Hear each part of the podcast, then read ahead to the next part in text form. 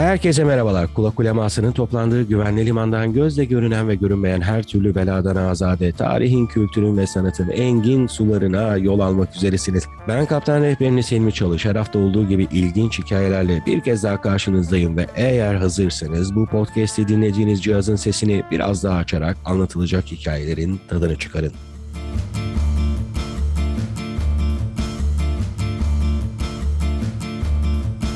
Efendim hoş geldiniz, sefa geldiniz. Umarım keyifler yerinde, sağlığınız güzeldir. Bir hafta aradan sonra sizlerle birlikte olmanın verdiği keyif ve mutluluğu anlatmanın kelimelere sığmayacağını klasik bir şekilde ifade ettikten sonra buraya toplanma nedenimize gelelim efendim. Malumunuz ay başında yayınlamış olduğum programa göre geçtiğimiz hafta yapmayı planladığım ama bulduğum çok değerli bir misafirden dolayı bu haftaya ötelemek zorunda kaldığım programın efendime söyleyeyim girişindeyiz. Geçtiğimiz hafta yayınlayacak bıraktım bunu ıı, meddah ve meddah hikayeleri olarak ama benim bilgisayarımda duran çok güzel bir klasör vardır. Araştırmalarımı yaparken okuduğum yüksek lisans tezlerinin e, bazılarını oraya atarım. Ufuk açıcı tezler diye. O ufuk açıcı tezlerden biriyle karşılaştım. Cenk Şen bugün bizim konuğumuz olacak o tezin yazarı. Çok ufuk açıcı buldum. Dedim ki bunu en iyisi ben anlatmayayım. Cenk Bey'in kapısını çalalım. Cenk Bey de bize paylaşsın. Çünkü tezin sonunda kendisini anlatırken CV bölümünde meddah olarak olarak tanıtmış. Bu da benim çok hoşuma gitti. Şimdi biz bugün bunlardan uzun uzun bahsedeceğiz. Ee, Cenk Bey de sabırla benim bu uzun girişimin bitmesini bekliyor. Çok hoş geldiniz, sefa geldiniz Cenk Bey. Nasılsınız? Ee, Hilmi Bey çok teşekkür ediyorum. İyiyim. Siz nasılsınız? İyi misiniz? Valla biz iyiyiz. Sizi ağırladık. Daha iyi olduk. Çok sorun var. Ee, o yüzden de hani bu daveti kabul ettiğiniz için de bir kez daha teşekkür ederim. İşte Cenk Bey ne yapıyor? Önce ondan bahsedelim. Cenk Bey e, şu an Beşiktaş Halk Eğitim Merkezi'nde harıl harıl bir oyun yetiştirme telaşı içerisinde diyebiliyorum. Doğru değil mi? Beşiktaş Belediyesi'nde ve Beşiktaş Halk Eğitim'de birlikte ortak çalışması olarak bir uygulamalı tiyatro kursu var ve o kursta eğitim veriyorum. Ee, şu an orada da Tersine Dünya isimli Orhan Kemal'in e, romanın, romanından uyarlanan oyunu oynayacağız. Biraz farklı bir e, yorum yapacağız diğer oynanış tarzlarından. Umarım güzel olacak. Tersine Dünya'nın 1990'larda çekilen filmini seyrettikten sonra akşam böyle saat 11-12 gibi çöp atmaya gitmiştim. Niyeyse kendimi şey hissettim, böyle çaresiz hissettim. o o kadar güzel canlandırmıştı ki Rasim Öztekinler, Emre Altuğ falan o zaman daha çocuk. Kendimi böyle şey hissettim. Ya, herhangi bir biri bana tacizde bulunacakmış gibi hissettim. O yüzden böyle anlamsız bir anısı vardır. Bunun ben de çok da severim o oyunu. Ve e, bir de dosis sanat var değil mi sizde? Dosis sanatı da biraz anlatırsanız bu sizin galiba e, tiyatro grubunuzun adı. Evet evet aslında e, bir sanat oluşumu diyeyim. Bu arada Tersine Dünya'nın size etkisi bence çok anlamlı. Güzel e, bence güzel bir etkisi olmuş. Biz de oyun oyunda bu etkiyi vermek istiyoruz. Evet. Umarım erişe, erişebiliriz. Dosi sanat aslında o bir sanat topluluğu diyebiliriz. E, oyunculuk eğitimi veren ve sinema eğitim veren bir yer. Evet. Hem eğitim hem üretim. Yani aslında Dosi sanatı kurduğumuz zaman e, düşüncemiz şöyle bir şeydi. Herkes için herkesle sanat. Mantığımız bu. Bizim sanat olarak yüksek sanatta da veya genele yayılmış belki bazı kısımlar için bir tık hor görülen sanat e, denilen tarafa da veya sanat değil denilen o tarafa da yani hepsine bizim zaten ihtiyacımız var. Ve bu herkesin e, gerek icracı olarak gerek izleyici olarak içinde bulunması gereken bir alan sanat. E, bunu yapma gayesiyle aslında kurduk diyebilirim. Valla güzel bir girişim. Ben de yeni keşfettiğim için özellikle e, ayrı bir paragraf açmak istedim. Bundan dolayı hani en azından sizin anlatmanız açısından da değerli bir şeydi bu. Şimdi biz e, buraya geldik. Kendinizi siz meddah olarak tanıtıyorsunuz. Sahne sanatlarında performans sergileyen bir sanatçı olarak meddahı siz kendinize nasıl yakın buldunuz? Bazı konularda ideali arıyordum. İdeal oyunculuk yani benim ulaşmam gereken oyunculuktaki mertebene ben ne yapmam lazım, nereye gitmem lazım diye bir kafamda bir bir süreç vardı. Bunu araştırırken e, şu geldi aslında bana. Müzikal. Çünkü dedim ki şimdi müzikal oyunculuğu için hem iyi oynamak lazım, hem iyi dans etmek lazım, hem de çok iyi şarkı söylemek lazım. Sonra bunu araştırmayı yaparken e, doğaçlama tiyatroyla karşılaştım. Bu özellikleri yapmamız lazım. Bir de oyunculuğun yanına yazarlık yönetmenliğin de katıldığını gördüm. Burada çok güzel bir şey söylediniz. Yazarlığın yönetmenliğinin sizin tezinizi okurken özellikle vurguladığınız bir şey var. Meddah sadece oynamaz, yazar, yönetir, canlandırır diye bir e, özellikle altını çizmişsiniz o unsurun. Tam olarak da bu değil mi? Bu bir sonraki evrem zaten o oldu. Bunu görünce doğaçlama tiyatroya bir aş aşkım aslında kabardı diyeyim ve ona doğru yöneldim. Buna yöneldikten sonraki işte yine okumalar, araştırmalar, tiyatro konusunda ne bileyim işte yani Japon Kabuki tiyatrosunun da okumak lazım. Başka bir şeye de bakmak lazım. Yani bu işle haşır neşir oluyorsak nasıl işini seven bir doktor uluslararası seminerlere katılır, yurt dışında araştırmalar yapar, makaleler okur falan gibi. Bu araştırmalara giderken aslında yakınımda yamacımda bir şey gördüm diyeyim. Yani bizim çok ötelediğimiz bir kavram geleneksel Türk, Türk tiyatrosu sadece böyle güzellemeyle an- anılıyor tiyatroda gibi uzun süre uzun süredir öyle diye düşünüyorum. Son yıllar belki bir tık nefes alınmaya başladı. Özellikle Karagöz Hacivat'ta çok e, çalışmalar vesaire oluyor. Karagöz Hacivat üzerine. Meddah'ta şunu gördüm. Doğaçlama tiyatroda bence sanki bir üst seviye gibi yani bir daha zorlayıcı bir taraf gibiydi gördüğüm. Fakat orada da doğaçlama tiyatro icrasını minimum iki kişi olarak gördüm. Hı hı. Zaten yapısı da biraz öyledir. Yani eski doğaçlama üstadlarının kurallarında hepimiz e, yardımcı oyuncuyuz der mesela. Yani çünkü arkadaşlarınla birlikte taş üstüne taş koyarak bir sahne yaratıyorsun doğaçlama tiyatroda. Sonra meddahı görünce bütün bu dediğim işte şarkı söyleme, dans etme vesaire bütün bunlar var.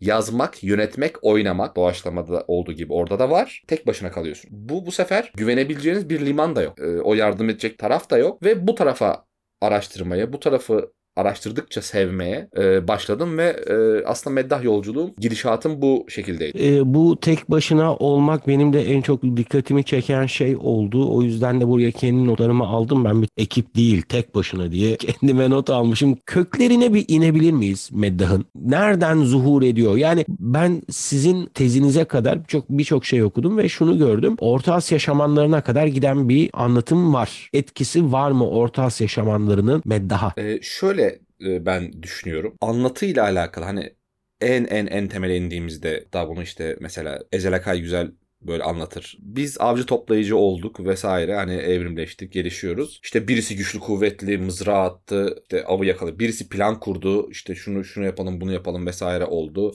İşte öbürü şey bu aleti yapabildi. Mesela öyle bir el becerisi var vesaire var. Bir de böyle hiç bu, bunların hiçbirisini beceremeyen bir tip var kenarda. E, iyi de benim de o yemekten pay almam lazım. O da atladı e, sofra olduğunda işte şöyle oldu böyle oldu derken o dedi ki ya dedi görmüyor musunuz işte Kuntakinti oradan bağırmasaydı hayvan korkmayacaktı. E, ondan sonra da Kartor geldi mızrağı nasıl öyle fırlattı diye var olan olayı anlatmaya başladı. Biz bu anlatma ve aktarma durumuna başladığımız andan itibaren zaten antik Yunan'daki öğretilerden de Mısır'daki e, dini ritüellerden de ne bileyim işte dediğiniz gibi Orta Asya'da şamanlardan da aslında bunların bir bağlantısı, bir bağı oluyor. Çünkü arz talep insanlarda benzer.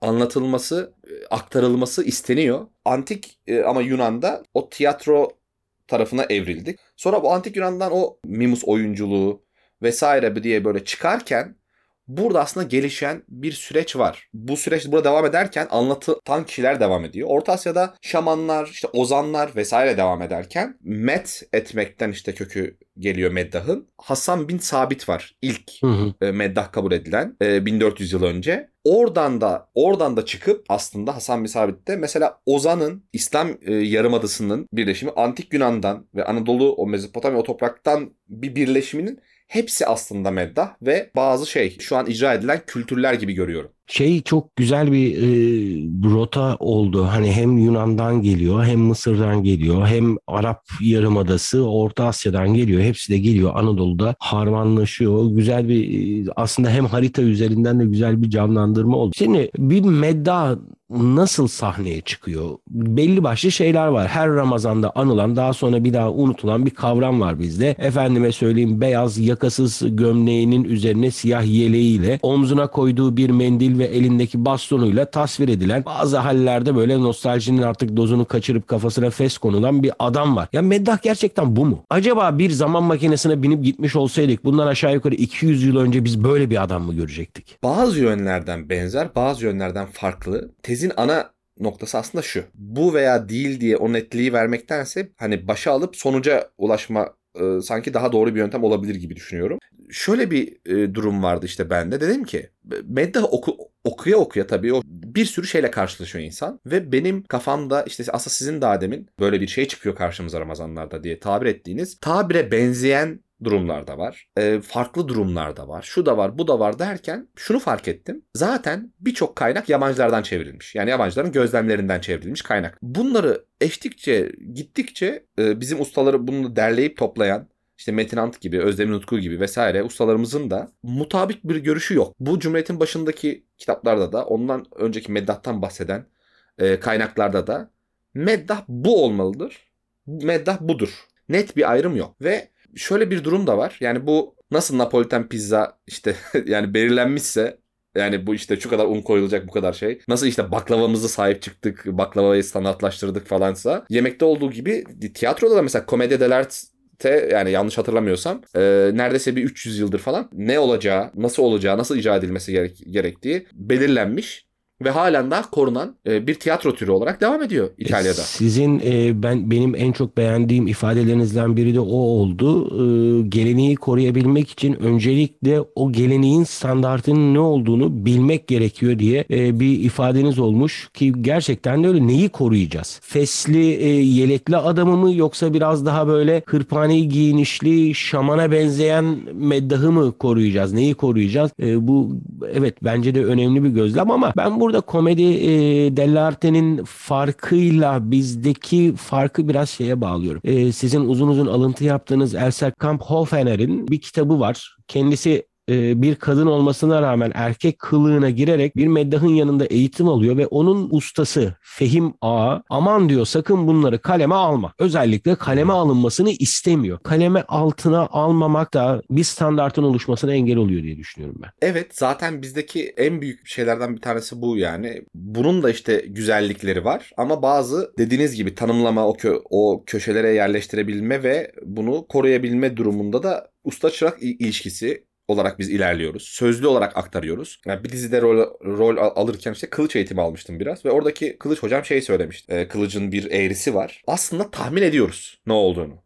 Ama net olarak hani bunun büyük olasılık bu özellikte bir kullanım biçimi var. Ama mesela bunu bilemiyoruz diyor. Halbuki yüzlerce yıldır Batılılar yazmış kılıç işte nasıl kullanılır nasıl edilir falan. Bir talep var, bir arz var ve bundan para kazanan insanlar var. E buradan var atıyorum 10 bin kişi. İşte 10 bin kişi aktara aktara aktara aktara aktara aktara gidiliyor. Fakat biz aslında çok doğru yanları da olan ama bazı açılardan çarpık bir biçimde batılılaşmaya girince bazı sanatlara, bazı icralara gerek kalmıyor. Örneğin silahlı, ateşli silahlar çıkınca kılıca gerek kalmadığı gibi. Hı hı. E bunlar kalmayınca ve de biz bunları yazmayınca e, usta usta kalmıyor ki çırak yetiştirsin. O kesiliyor ve biz bilmiyoruz ki acaba Yeniçeriler o çok belki değişik bir teknikle kılıç kullanıyordu ve biz bunu tam, tam bilemiyoruz. Aynı şekilde bu şeyde de bu dediğiniz gibi yani yazılı kültürün o olmadığı e, durumda da biz aslında bu iş nasıl yapılır, nasıl yapılmalı, e, neyi yanlış, neyi doğru tarafını öğrenemediğimiz için yitip gidiyor. Böyle çok sevdiğim bir şeydi araştırırken işte komedi dell'arte'de yönetmen bütün karakterleri bilir. Oyuncu ise hayatı yani bir karakter belirler ve hayatı boyunca sadece o karakteri oynar. Hmm. Komedi dertenin kuralı olarak. Yani 40 sene Arlecchino olacaksın. Ben bir Arlecchino olayım, bir işte gideyim orada prens olayım bir şey öyle bir şey yok. Arlecchino olacaksın. Ee, bizde işte bu netliğin olmayışı dediğiniz e, nedenden ben de eldeki az verimizle aslında az sayılacak bir veriyle yani ve öyle o bu tabi benim de amacım teze zaten meddah nedir ne değildir bunu ortaya koymaya çalışmak ve kabul gören bir tabir e, tarihsel gerçeklikle ortaya koymaktı. Sizin tezinizde oldukça uzun bir yer ayırdığınız bölüm var. Kadın meddahlar diye bir bölüm var. O çok ilgimi çekti. Hatta bazı yerlerde meddahe diye böyle onu e, feminen hale sokmuşlar ifadeyi. E, şimdi Elsa'dan bahsettik. Elsa Kamphofener'den. Soy ismini söylemek zor oluyor. O yüzden Elsa diyeceğim ben sonra ona. E, bence de Elsa Sofya ben de öyle kullanıyorum genelde.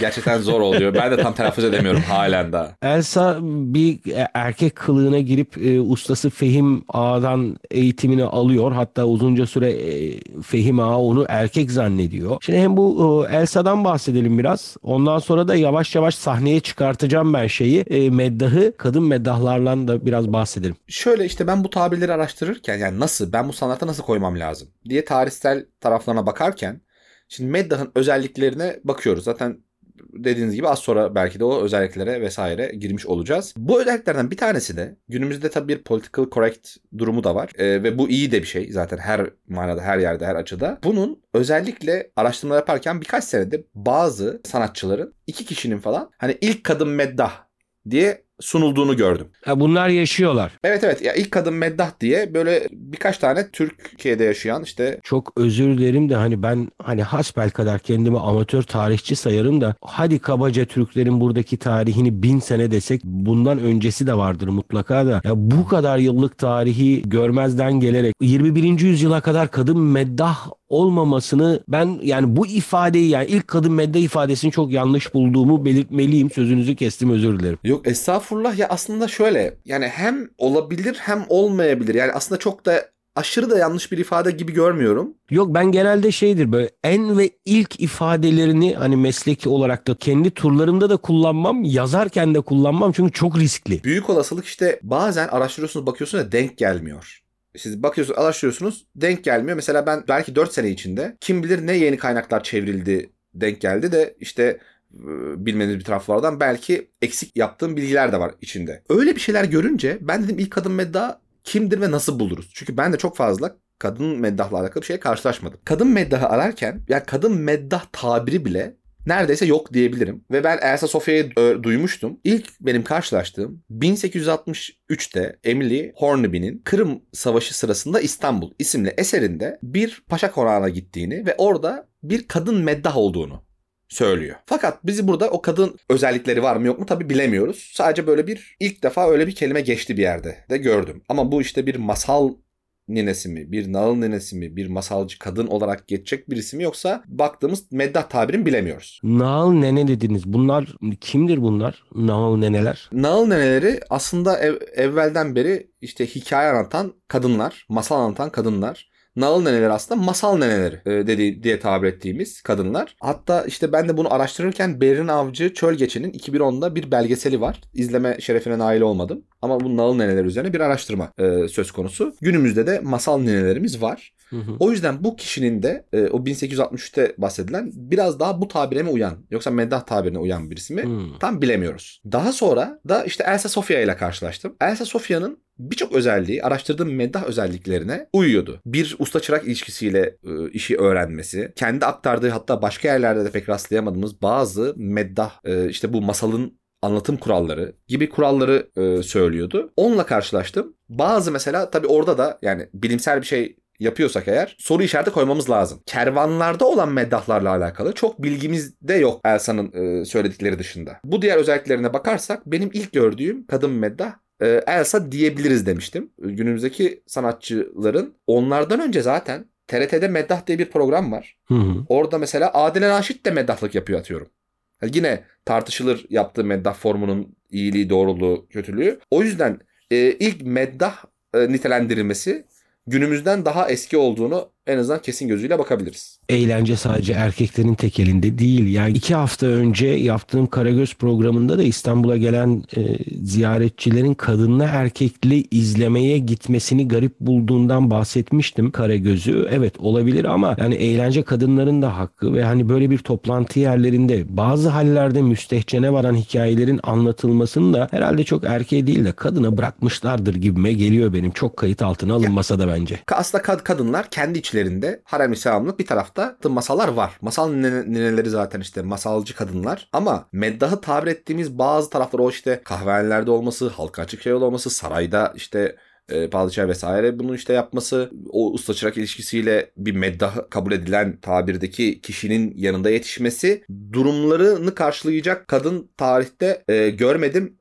En yakını Elsa'ydı işte. Ee, Elsa'nın bahsettiği şeylerden bir tanesi en büyük suçlardan biriymiş galiba. Hikaye hırsızlığı. Ustası da e, Fehim Ağa da ona öyle söylüyor galiba. Yani onu o da mesela işte ilginç bilgi bu tek kaynak olduğu zaman tam da insan tabii ne- dediğim gibi o şüpheyi bırakmak gerekiyor oraya ama çok detaylı tasvir edilen şeyler bu, e, Elsa'da bunlar. Yani at hırsızlığıyla eşdeğer tutulup böyle e, su- yani susuz bir ya bir dakika hikaye anlatıyorum ben derken yollanabileceğiniz şeyler yani Hani böyle aç susuz bilmediği bir diyara. Günümüzde bile erişilmeyen e, güzel bir telif hakkı e, savunusu değil mi bu? ben çok beğendim. evet evet. yani şey o, o günümüzde olsa sanırım hiçbir telif hakkı konusunda sıkıntı Tabii. yaşamayız gibi duruyor. Tabii yani gayet güzel ama o da toplumun geliştirmiş olduğu refleksin bir parçası. Şimdi kısaca şundan bahsetmek istiyorum. Diyelim ki tak tak tak 3 defa sesi duyduk. Elindeki bastonuyla beraber geldi e, meddahımız oturdu. Hep oturuyor muydu? Şimdi ben bunları bir kere temellendirebilmek için 3'e ayırdım. E, hikayeciliği, canlandırması ve aksesuarlar. Çünkü yani bir o standartizeyi o meddahın o standart tarafa oturtmak için bu şekilde 3'e ayırdım. E, canlandırma evresinde değerlendirdim bu, bu süreci. Zaten okumalarımızda biz şunu görüyoruz. Medda oturabilir, e, ayakta da olabilir, yerde de sürünerek de anlatabilir. Yani meddahın aslında yani her şekilde anlatabilir. Havada, karada, denizde, suda hepsini anlatabilir. Şöyle bir durum var. Mesela aksesuarlar bölümünde sandalyeyi bilerek çıkardım. Zorunlu değil diye söyledim. Orada anlatırken tarihte olan şeyleri zorunlu şeyler ve zorunlu olmayan şeyler. Oturması veya ayakta olması zorunlu bir durum değil meddahın. Hı hı. Fakat canlandırma yapması zorunlu bir şey. Sadece anlatan, sadece oturan ve anlatan o zaman biz buna meddah demeyelim masalcı diyelim. Ama anlattığı şeyi canlandıran gerek bedensel gerek resmik olarak çok önemli bir çizgi meddahı ayıran şeylerden en önemlilerinden bir tanesi. Bunu canlandırması. E canlandırırken bir atı canlandırırken bir işte ne bileyim gemiyi de e, canlandırırken veya yaparken kovalanan birisini canlandırırken meddah ayağa kalkacaktır diye tahmin ediyoruz. Sandalyeyi o yüzden aksesuar bölümünde mesela zorunlu olmaktan çıkardım özellikle. Hı hı. Çünkü hep o sandalye ve baston e, işte e, mendil tasvirinde ki sandalye biz hep sanki ya meddah oturduğu yerde anlatan kişi diye bir algı yol açıyor. Halbuki öyle değil. Yani bu çok özellikle üstüne söylemem gereken bir şey. Benim burada böyle yıldız koyduğum şeylerden bir e, detay daha var. Meddah anlatan mı oynayan mı? Çok güzel bir şey söylüyorsunuz. Me- zaten Meddah'ın bir masalcıdan farkı bu. Medda hem anlatan hem canlandıran. Canlandıran bir de taklidini de ediyorlar. Yani Evliya Çelebi çok güzel der mesela. Meddah'ın hası bilmem ne kadar kuru fasulye yedikten sonra e, tatlı tatlı yellenmeyi bile taklit eder diye. Ben şimdi bunu biraz şey yapıyorum tabii. e, onun bile taklidini yapar diyor Evliya Çelebi. Sizde de var böyle çok yazdığınız tezde hani e, üstadlardan bir tanesi bir e, eşek gibi anırmış. Bütün genç erkek eşekler boyu kaldırmış o kadar gerçek zannetmişler. Ya evet evet işte o yani o yüzden her, her meddahın tabii kendi özellikleri var. O ca, yani canlandırma dediğim yani oyunculuk kısmı meddahın oyunculuk kısmı asla yatsınamaz bir taraf. Özellikle bir yerde daha vardı karşıma çıkan güzel göndermelerden bir tanesi. Halk için halkı anlatan halkın oyunu diye Mimus'u bir şekilde yani bu antik Yunan'dan başlayan geleneği tanımlamışsınız. Meddahların da bir kürsü dokunulmazlığı var galiba. Çünkü e, çıktığı zaman hangi devir olursa olsun vezirlerin karşısına, ekabir diyelim eskilerin karşısına halkın e, taleplerini, isteklerini bir şekilde yansıtabilmiş e, öyle bir de dokunulmazlıkları var. Halkın lisanı olmak diyebilir miyiz? Olduğu kişiler var ama olmadığı kişiler de var. Mesela benim bu zorunlu özellik meddahta veya zorunlu olmayan özelliklerden bir tanesine böyle zorunluya mesela meddahın muhalif olması. Ben de hani kendi adıma muhalif bir tarafta yer aldım. Kendi, yani siyaseti anladığımdan beri diyeyim. Ama mesela bilimsel olarak bunu koyamam dedim. Çünkü şöyle bir durum var. Bir güç var karşınızda öyle düşünün. Başka yerlerde de böyle başkaları anlatsa eğer kellesi gidecekleri şeyi meddah anla, anlatınca e, aslında anlatabildiğine dair şeyler var. Fakat muhalif meddahlar yani sanat sanatın zaten özünde bir muhalefet tarafı vardır ya çünkü insanın dışsal ve içsel çatışmalarına girince zaten bir şeyler eleştirmiş oluyoruz. Ama Mimus oyunculuğunda mesela dediniz. Mesela Mimus oyunculuğunda e, orada artık tiyatro oturun oturmaya başlayınca yavaş yavaş tiyatro böyle köklerini salmaya başlayınca devletin para verdiği, devletin yönettiği giden bir sürece gidiyor. Ha, orada da antik Yunan'da bir sürü ele, eleştiren tiyatrocular var sistemi de e, generalleri de e, o şey var mesela Mimus oyuncuları mesela halktan para alıyor. E, ama burada o devletin o yapısını vesaire gözeten sanatçılarda olmadı mı? Olmuştur. E, bu tarz muhalif şeyleri söylemeyen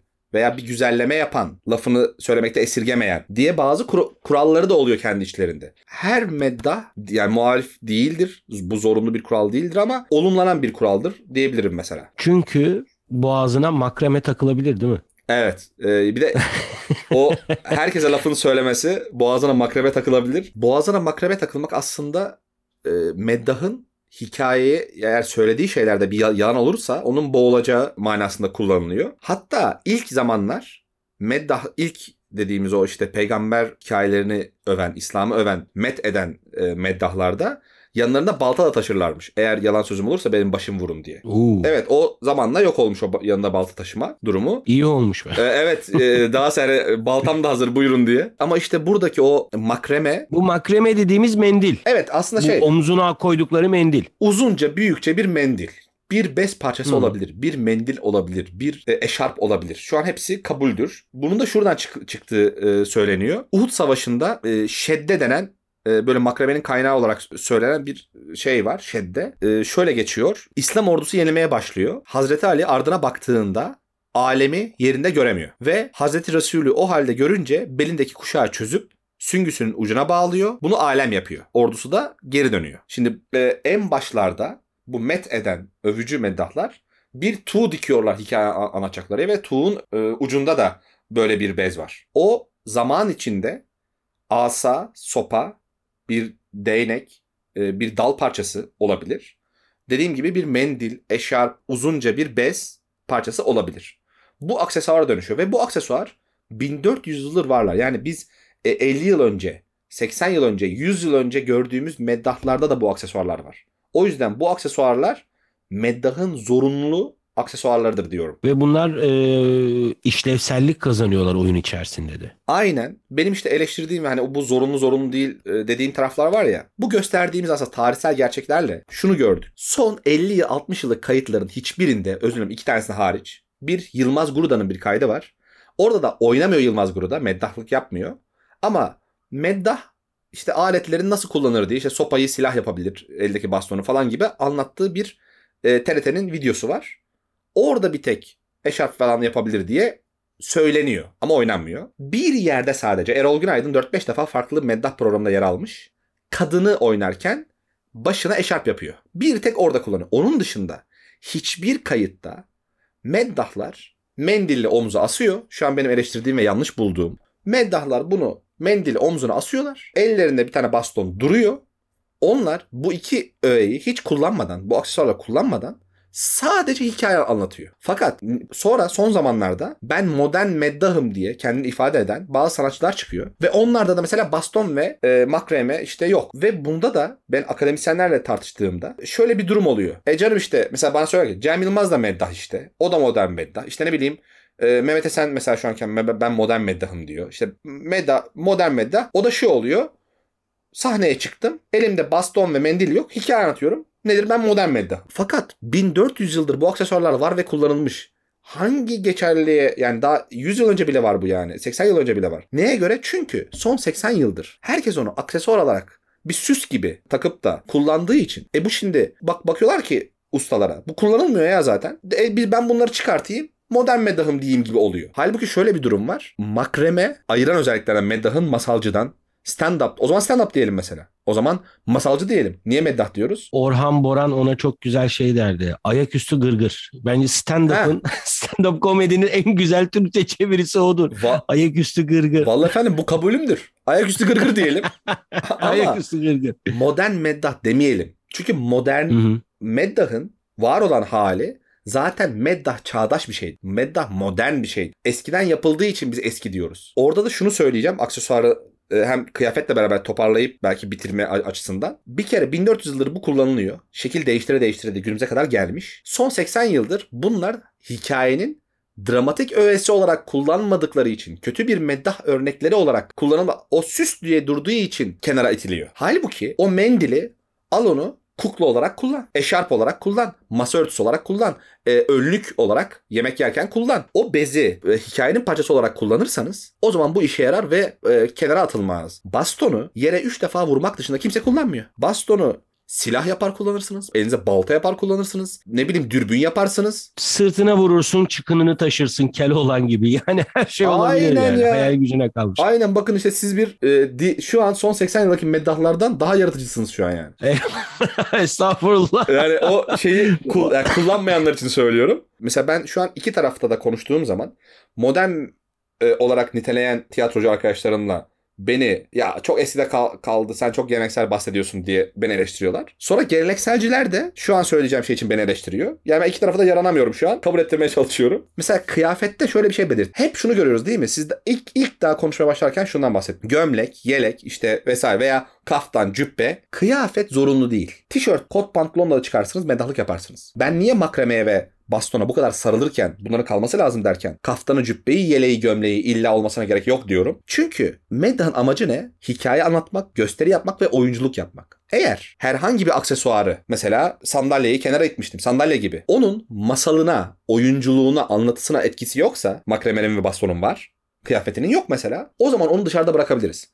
O yüzden bir ACDC tişörtüyle çıkıp şey anlatabilirsiniz yani. Meddahlık yapabilirsiniz. Bunda bir sıkıntı yok. Çünkü bir iki tane örnek veriyoruz biz tarihte. Onun dışında yanındaki çuvaldan işte şapka çıkartan, aksesuar çıkartan, aksesuar yani kıyafetini değiştiren meddah var ama çok az var. E, o yüzden e, hani biz şey diyoruz mesela eskilerde 400 yıl önce bakıyoruz, 300 yıl önce bakıyoruz gravürlere, işte minyatürlere, tasvirlere. Kaftanı cübbeli. Çünkü o dönem kaftan cübbe giyilmiş. 100, Evet, 100, doğru. 100 yıl önce bakıyoruz. Yelek ve kumaş pantolon. Çünkü o dönem o giyiliyormuş. Bugün de Sizin e, şimdi Sizin şimdi- bunu tamamlamak için şöyle alıntı yapacağım Ha, sizin buyurun. tezinizden. Eski bir dil, ağdalı bir Türkçe kullanmasına gerek yok. Çünkü e, o dönem kullanılan dille günümüzdeki dil farklı. Meddahın asıl gayesi derdini anlatabilmek ve halk hangi dilden anlıyorsa o dili tercih etmek gibi bir e, detayınız var ki bu bence çok önemli zaman içerisindeki dinamizmini de sergilemek açısından meddahlığın. Aynı bu şekilde o zaman kıyafeti de biz günümüzde bunları giyiyorsak, tişört giyiyoruz, bir şey giyiyorsak bunları giyebilir. Biz günümüzde fil hakikat bil mukabeleyi çok fazla kullanmıyorsak, kullanan bunlar denebilir bu arada bak, e, icra edebilir. Bu bunu yapması meddahlığını bozmaz. Ya sadece kaftan cübbe, cübbe giymek zorunlu değildir. Bu kelimeleri, eski Osmanlıca kelimeleri kullanmak zorunlu değildir. Biz şu an insanlar çıkıp stand-up yapıyor, modern hikayeler anlatmıyorlar mı? Yani o yüzden meddah çağdaş bir şeydir. Çağ dışı bir şey değildir demek istiyorum. Baston hala günümüzde kullanılıyor. Baston kullanılabilir. Eşarp, mendil hala kullanılıyor. Günümüzde kullanılabilir zaten. Ve bunlarla istediği güncel kıyafeti giyip güncel bir dilde konuşup e, çünkü eski meda yani eskiden medallarda çağ, çağının kelimelerini kullanmış. Bu şekilde icra edilebilir. Benim savunduğum meddahın en temel özellikleri bunlardır efendim. Yani bunlar olduktan sonra kıyafetinin bir önemi yok. Kullandığın dil yani eski yeni kıyafet önemli değil. Kullandığın dilde e, yeni kelime kullanman, eski kullan kelime kullanman zorunlu değil. Bunları sağlarsan asgari düzeyde o zaman sen meddahlık yapabilirsin. Belirledim en son. Yani tanım budur. Koruyacağımız tanım. Tanım mudur e, gayet de çok da basit aslında. çok fazla e, Amerika'yı yeniden keşfetmeye de gerek yok. Evet. Diye düşünüyorum. En sona sakladım ben e, neden olduğunu. Şöyle bir üzerinde bayağı bir düşündürttü bu beni sizin görüşünüz ki e, bi- biraz da size vermek istiyorum sözü bitirirken ben çok fazla bir şey söylemeyeyim. Çok güzel bir ifade bu. Geleneksel sahne sanatları günümüze dek güldürü temelli ola gelmişlerdir diye ben buraya kendime not almışım. Şöyle bir baktığımız zaman da Karagöz Hacivat da öyle. Tülyat, orta oyunu, efendim mesela köy seyirlik oyunlarından tutun da efendim mesela asıl mevzumuz bugün toplanmadaki meddaha kadar da hep bir güldürü unsuru var. Şunu soracağım. Biz Türkler gerçekten gülmeyi çok sevdiğimiz için mi böyle yapıyoruz yoksa hayatı daha yaşanabilir kıldığımız için zekanın zekatını mı veriyoruz? Gülmeyi seven, güldürmeyi seven de e, insanlarız diyebiliriz. Fakat meddah özelinde uzun uzun anlatılan hikayelerde de güldürmek, ağlatmak, bütün o duygular bir araya girmiş şekilde devam ediyoruz aslında. Ancak baktığımız zaman işte bu orta oyununda da Karagöz Hacivat'ta da hep böyle bir hicvetme durumumuz var. Bunu şöyle diyebilirim yani e, diyorum ya işte günümüzden e, hem farklı hem yani günümüzden farklı değil ama günümüze de bakıyoruz. Yani stresli eskide belki de eskiden stresli de bir e, durumumuz var. Yani biraz böyle stresli de bir toplu, topluluğuz. Biraz gergin e, de durabiliyoruz. Belki de işte hayata e, bakışımızı böyle çeviriyoruz. Yani o gerginliğimizde de bizdeki o ilkokuldan e, işte ünivers- okul sıraları, liseye vesaire o zamanki okul sıralarımızda, okul arkadaşlarımızla yaptığımız muhabbetlere, iş yerindeki yaptığımız muhabbetlere, komşu, konu komşumuzla yaptığımız muhabbetlerde bir şeyleri dalga geçmek, güldü, bir şeyleri hicvetmek, kötünün içindeki o komediyi çıkarma belki de bizi nasıl diyeyim bizim yaşama terapimiz gibi görüyorum diyebilirim. Ben de dürüst olmak gerekirse sizinle aynı e, şekilde düşünüyorum. Ya yaşamı biraz daha kabullenilir kılan şeylerin başında mizah geliyor. İyi ki mizah var ve iyi ki mizah da müzik de insanların dertlerine derman oluyor. Ee, bitirirken şöyle de diyelim madem o kadar şey yapalım. Ee, müzik de mizah da Covid bulaştırmaz efendim. O yüzden de herhangi bir engel olmadan e, rahat rahat müzik dinleyebildiğiniz, oyun seyredebildiğiniz, başkalarını rahatsız etmeden tabii ki güzel günler dileyelim efendim. Yani böyle de kıssadan hisse ve zülfiyare dokunarak bitirelim derim. Nefesinize sağlık, bilginize sağlık, ayırdığınız vaktinize sağlık. Çok teşekkür ederiz Cenk Bey. Valla benim için çok güzel, keyifli ve çok öğretici bir program oldu. Tezinizde okumuş olduğum şeyleri e, bir daha konuşarak sizinle beraber onları kafama böyle bir nakşetmiş oldum. Umarım daha başka konularda bir kez daha sizi konuk alırız diye düşünüyorum. Hilmi Bey çok teşekkür ediyorum. Ee, gerçekten insan hani bir üretim yapıyorsunuz e, bilimsel veya sanatsal ve bunun takdir görmesi, karşılık görmesi özellikle e, üretimde bulunan işte insanlar için siz de üretimde bulunan bir insansınız. Sağ olun. Çok ayrı bir duygudur. Biliyor yani siz de o yüzden birbirimizi e, empati kurabildiğimizi düşünüyorum sizinle üretimde bulunduğumuz için. Çok teşekkür ediyorum gö- gösterdiğiniz değer için, programa da davet ettiğiniz için ben de. Ben teşekkür ederim e, bu daveti kabul ettiğiniz için. Ee, sağ olun efendim. Buradan da hem sizlere hem izleyicilere de belki bir du- ben de duyuruyla ve veda etmek isterim. Lütfen seve seve seve seve. Ee, işte pandemi sebepleriyle dosya sanatta sanat üretimlerimiz bir tık aslında durdu. Ama şu an eğitim verdiğim katılımcılarımızla beraber Tersine Dünya oyunumuz 13 Mayıs Cuma akşam saat 8'de Akatlar Kültür Merkezi'nde oynayacağız. Ee, Herkesi bekleriz. Ücretsiz etkinliğimiz olacak zaten. Oo çok güzel. Valla ben teşekkür ederim. Efendim bu hafta Cenk Şen misafirimizdi. Ee, onunla meddahı, meddahlık kavramını, meddah hikayelerini elimizden geldiğince değinebildiğimiz kadar bu kısa süre içerisinde değinip konuşmaya çalıştık. Adettendir söylemeden geçmeyelim. Sürçülisan ettiysek affola deyip huzurlarınızdan ayrılırken önümüzdeki hafta görüşünceye kadar mutluluk, esenlik ve sağlıklar diliyorum. Hoşçakalın.